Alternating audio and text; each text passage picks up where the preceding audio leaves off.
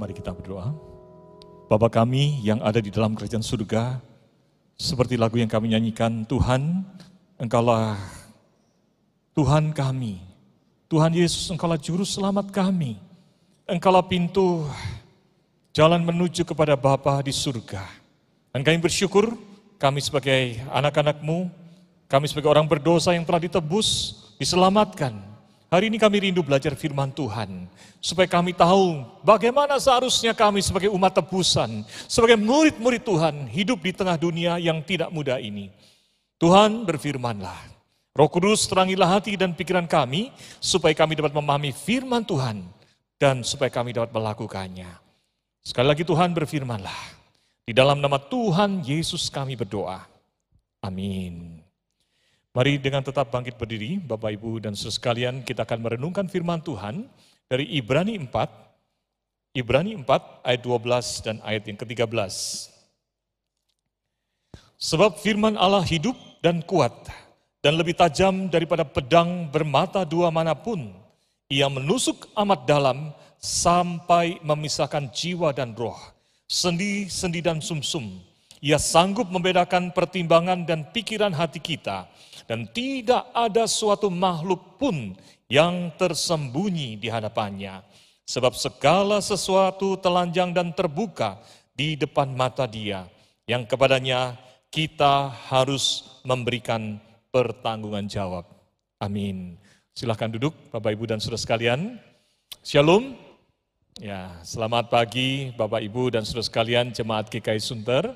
Hari ini adalah uh, Minggu Tukar Mimbar GKY di mana antar gembala kita tukar ya se, se, an, di antara GKY. Dan itulah sebabnya izinkan saya pada hari ini menyampaikan salam hangat dari jemaat GKY Kebaran Baru dan sekaligus salam dan doa supaya jemaat Sunter ya GKI Jemaat Sunter selalu dalam perlindungan Tuhan, selalu sehat dan diberkati Tuhan. Amin. Oh satu lagi, supaya selalu setia kepada Tuhan. Nah itu yang penting ya. Di tengah pandemi tetap setia kepada Tuhan.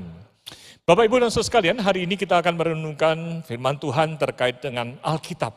Nah kalau kita bicara tentang Alkitab, ayat-ayat seperti apakah yang biasanya Bapak Ibu Saudara sekalian suka baca? Suka diingat-ingat lagi, dihafal. Eh? Kira-kira ayat yang seperti apa? Coba. Saudara, walaupun yang di rumah tidak langsung bertemu dengan saya, saya sudah tahu jawabannya. ya, luar biasa ya. Kita tahu biasanya orang Kristen itu sukanya ayat-ayat yang memberi penghiburan. Setuju? Ah, mulai manggut-manggut. Iyalah Musa, ini kan lagi pandemi, betul ya. Ayat apa lagi yang kita suka? Ayat-ayat yang memberikan kekuatan. Ayat-ayat yang memberikan janji-janji berkat. Betul nggak? Tapi begitu ayatnya sampai kepada pembacaan ayat tentang peringatan, teguran, hukuman, biasanya kita bacanya gimana? Skip, skip, skip, betul ya? Kalau boleh tidak baca, tidak baca. Tapi kalau itu adalah urutan pembacaan gema, apa boleh buat? Baca tapi cepat-cepat. Kurang lebih begitu, ya. Terus kan saya tidak tahu apakah saudara demikian. Saudara saya bukan penggemar sepak bola. Tapi saya suka melihat Ya, kalau dari pertandingan sepak bola itu yang paling saya suka adalah apa?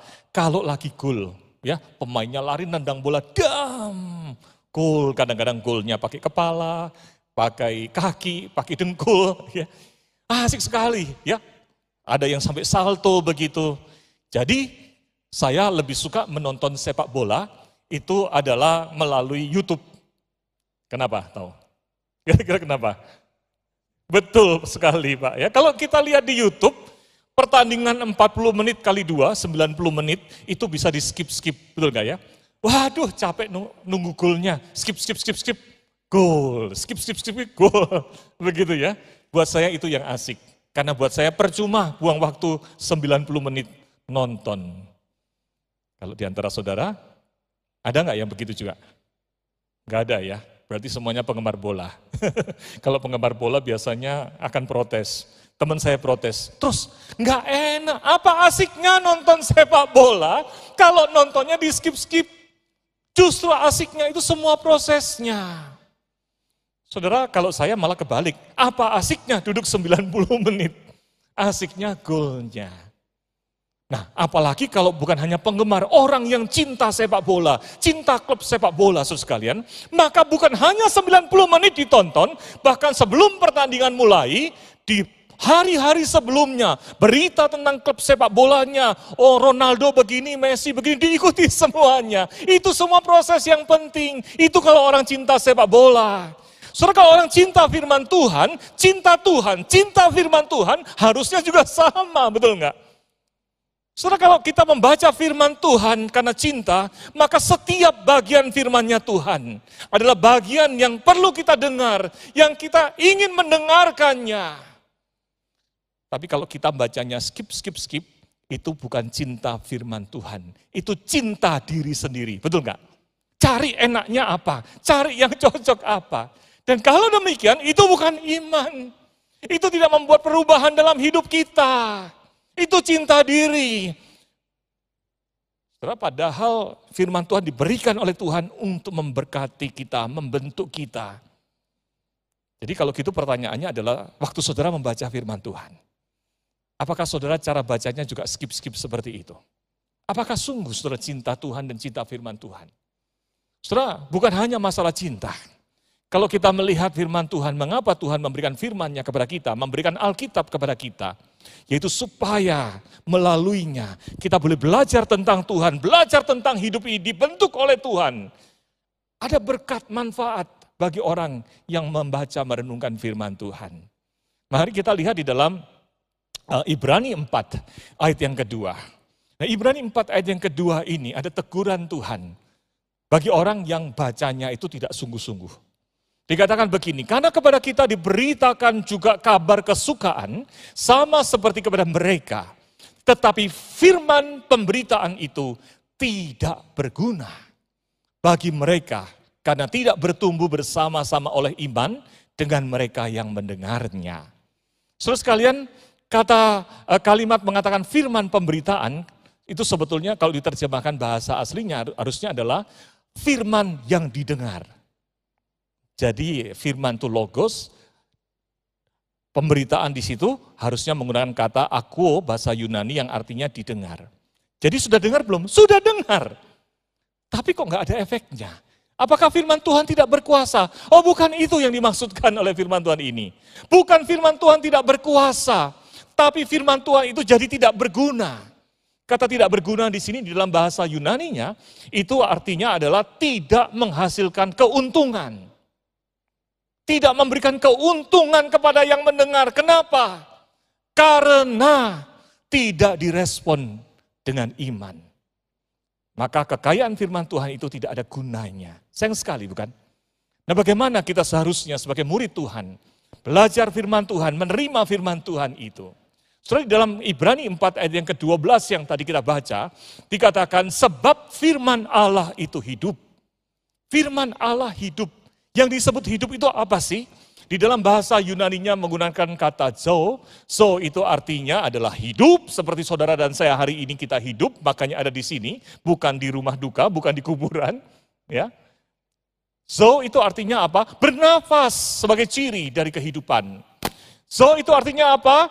Memiliki aktivitas, bisa beraktivitas. Dan zo itu artinya apa? Memiliki satu kekuatan hidup yang juga bisa memberikan pengaruh kepada pribadi yang lain. Hari ini tadi liturgis mengatakan, mari nyanyi, kita nyanyi. Mari berdiri, mari duduk, bisa ngikutin, betul ya? Kenapa? Karena kehidupan itu bisa memberikan pengaruh kepada pribadi yang lainnya. Saudara firman Tuhan adalah bukan sekedar, Alkitab bukan sekedar tulisan printing begini seperti tulisan yang lain. Alkitab itu adalah firman Allah yang hidup. Di dalamnya Allah sedang berbicara kepada saudara dan saya.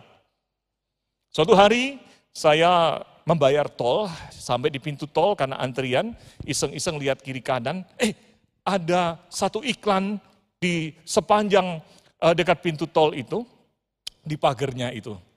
Dan iklannya menarik sus kalian. Iklannya tentang rumah, jual rumah. Dan disebutkan uh, kompleks perumahannya, saya tahu kompleks perumahannya termasuk kompleks perumahan yang bagus, yang baik lah gitu. Dan harganya lumayan sebetulnya biasanya. Sekitar 1 M, satu setengah M begitu. Tapi yang menarik perhatian saya, di iklan yang ada di pagar itu, ditulisnya rumah-rumah yang dijual di kompleks itu harganya 275 juta rupiah. Ya, dibilang murah ya nggak murah kalau nggak punya duitnya. Tetapi kalau menurut saudara, harganya 1 M ditulis di situ 275 menarik nggak? Menarik nggak? Halo? Kalau punya uang dibeli nggak? Mumpung murah, betul nggak? Jadi saudara saya cepat-cepat ambil handphone, mau foto, mau lihat nomor telepon marketingnya biar ingat. Tapi begitu saya angkat kamera, saya baru ingat, ini iklannya iklan kapan ya? Betul nggak? Mulai saya lihat pelangnya itu, iklannya itu warnanya pudar. Mungkin ini adalah iklan yang sudah 10, 15, bahkan 20 tahun yang lalu, jangan-jangan nggak dicopot-copot. Saudara bayangkan, seandainya saudara kemudian datang ke kantor marketingnya, pengembang itu. Lalu bilang, Pak saya mau beli kom, apa, rumah di kompleks Alamanda itu. Saya beli sekarang nih, saya bawa duit saya 275 juta. Kira-kira saudara dibilang apa sama pengembangnya? Eh sorry, itu iklan yang mana? Kapan punya? Betul nggak? Lalu kemudian saudara bilang iklan yang di situ. Orangnya bilang itu iklan lama udah 15 tahun yang lalu saya pasang lupa copot. Lalu saudara bilang enggak peduli. Pokok karena itu selama dipasang saya mau beli dengan harga segitu. Saya akan panggil pengacara saya, saya akan su kamu. Begitu. Kira-kira saudara diapakan? Dipanggilin satpam, betul nggak? Udah pulang-pulang aja deh. Kagak ngerti, itu iklan sudah tidak up to date, tidak relevan. Itu berlaku untuk 15 tahun yang lalu, tidak berlaku sekarang. Kamu tidak bisa klaim untuk hidup sekarang. Setelah ketika kita bicara tentang firman Tuhan, sering kali tanpa sadar kita ini sebagai orang-orang Kristen, membacanya, melihatnya sebagai ini adalah cerita tentang dulu, zaman Musa, zaman Daud, tidak ada hubungannya dengan hidup hari ini. Berapa kali saya sebagai pendeta dikasih tahu sama jemaat, Musa, kalau khotbah jangan soal Daud, Musa dan sebagainya. Kelamaan, nggak ada hubungannya sama sekarang. Oh, apakah benar begitu? Setelah firman Tuhan itu hidup, firman Tuhan itu relevan untuk hidup hari ini, bukan hanya hari ini, berguna sepanjang masa, sepanjang zaman. Karena beritanya adalah untuk hidup hari ini dan hidup bahkan dalam kekekalan. Amin. Saudara, bukan hanya bicara soal relevannya. Hidup itu bicara apa? Firman Tuhan itu mengandung kuasa, mempengaruhi hidup manusia. Makanya oleh sebab itu kalimat ini dilanjutkan saudara. Sebab firman Allah hidup dan kuat. Saudara kata kuat di sini bukan bicara tentang power atau otoritas. Di konteks ini yang dimaksudkan ini menggunakan kata energes yang artinya adalah satu kekuatan untuk bertindak. Nah, ini yang membedakan. Setelah yang dimaksud dengan firman Tuhan kuat itu adalah firman Tuhan itu bukan benda mati yang dibaca. Dia memberikan memiliki kuasa untuk bertindak dan mempengaruhi. Ada satu tulisan menarik di Barnes Note dikatakan begini. Kekuatannya, kekuatan firman Tuhan itu terlihat di dalam hal membangkitkan hati nurani. Ketika saudara membaca firman Tuhan digerakkan. Karena firman Tuhan adalah firman yang hidup. Dari Allah yang hidup. Menggelisahkan ketakutan kita, ada rasa tertegur. Menyingkapkan rahasia perasaan kita. Kita ini rajin pelayanan padahal motivasinya bukan pelayanan. Misalnya begitu. Kita ini memberi padahal motivasinya supaya dipandang orang dan sebagainya. Orang lain tidak bisa melihat tapi ketika kita membaca firman Tuhan, kita dikuliti, ditunjukkan siapakah kamu, apa yang kamu lakukan, apa yang harusnya kamu lakukan sebagai murid Tuhan. Menyebabkan orang berdosa, gemetar, ketakutan, disadarkan pada kebenaran Tuhan. Setelah semua perubahan besar untuk menjadi baik secara moral itu Itulah yang dilakukan oleh firman Tuhan di dalam hidup saudara dan saya.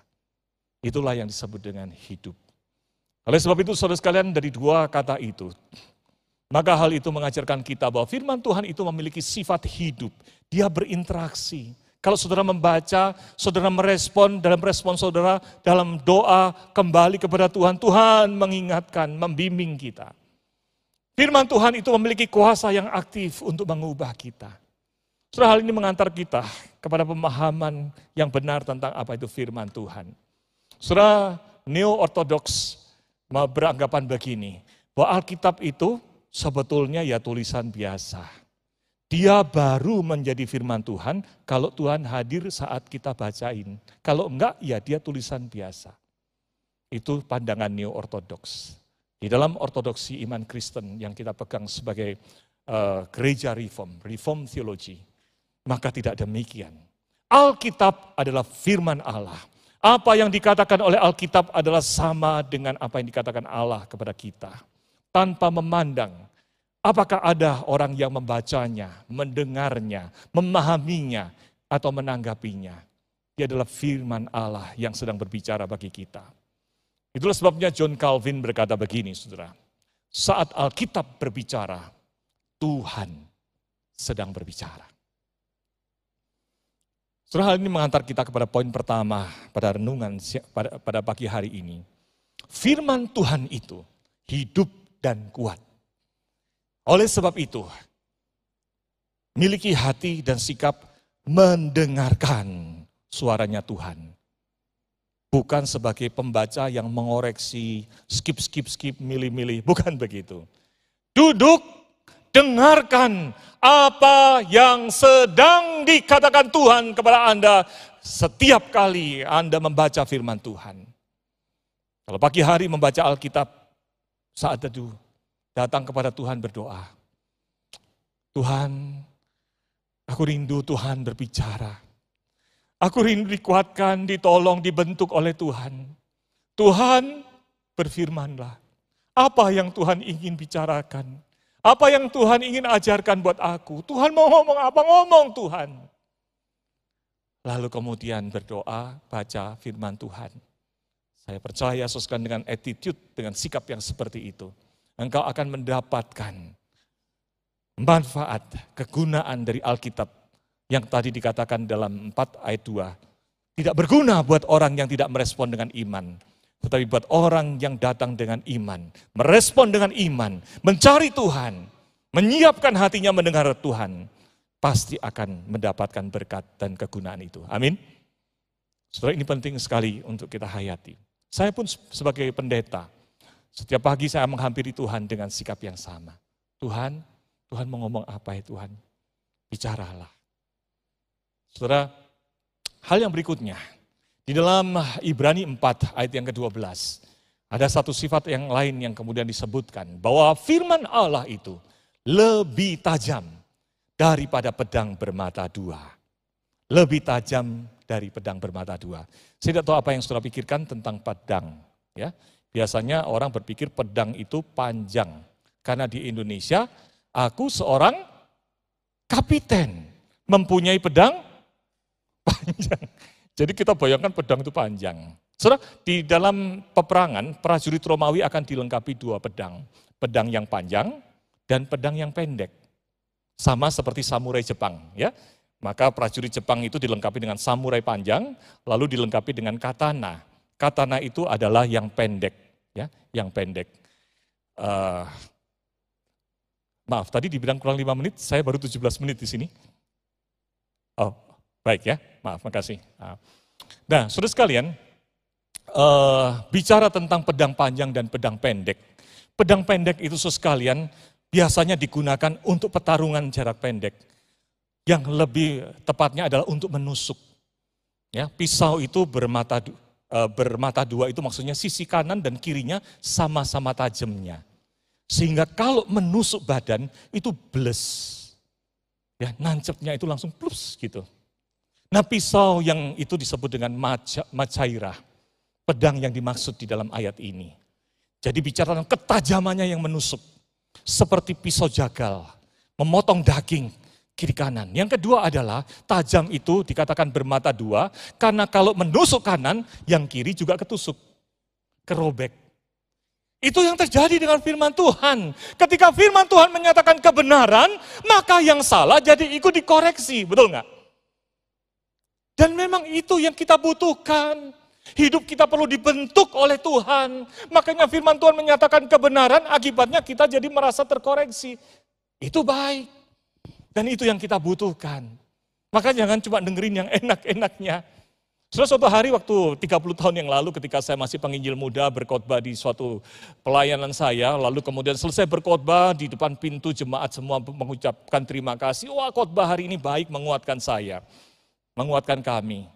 Sampai semua sudah keluar, lalu kemudian saudara sekalian masih tersisa dua orang di situ.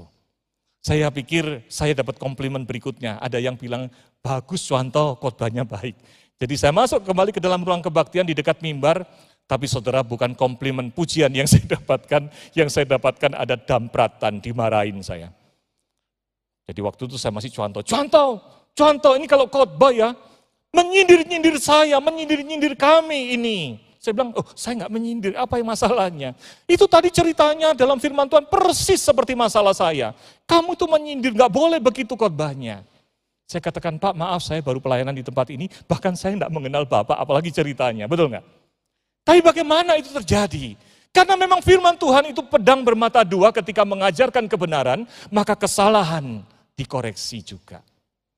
Nah saudara sekalian, tapi itu penting berguna. Mata bermata dua itu adalah satu pedang firman Tuhan yang mampu membedakan yang terlihat dan tidak terlihat.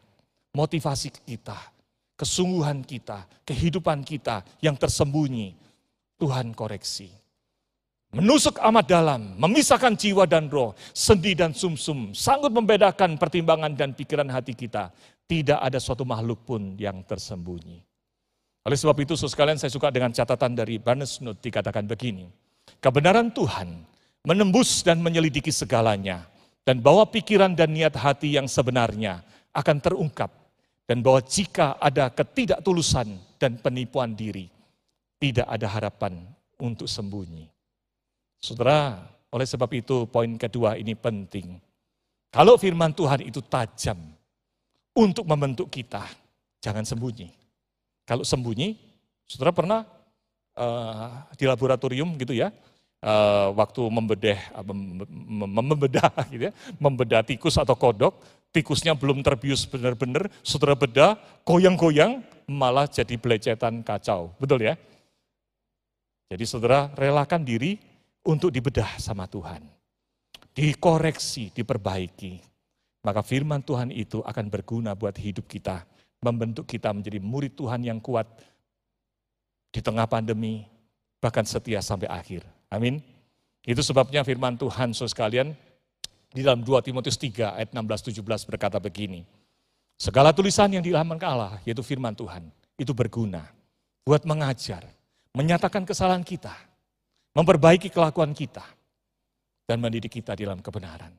Sehingga dengan demikian Alkitab ini berguna untuk memperlengkapi kita hidup sebagai anak-anak Tuhan di dalam kehidupan di tengah dunia ini.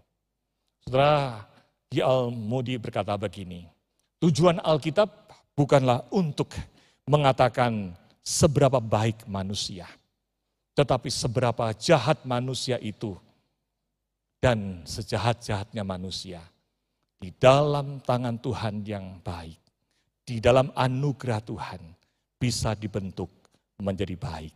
Amin. Dan biarkan izinkan Tuhan membedah hidupmu, membentuk hidupmu. Mari kita berdoa. Bapak kami yang ada di dalam kerajaan surga, kami mengucap syukur untuk cinta kasih dan berkat Tuhan yang Tuhan nyatakan melalui firman-Mu pada hari ini. Engkau Tuhan mengingatkan kami betapa pentingnya firman Tuhan Engkau berikan kepada kami. Izinkan berkati kami supaya mengizinkan Tuhan untuk boleh mengoreksi hidup kami melalui firman-Mu. Ajarkan kami mencintai firman-Mu setiap bagiannya, di mana Tuhan ingin berbicara kepada kami. Dengarlah doa kami Tuhan, di dalam nama Tuhan Yesus kami berdoa. Amin.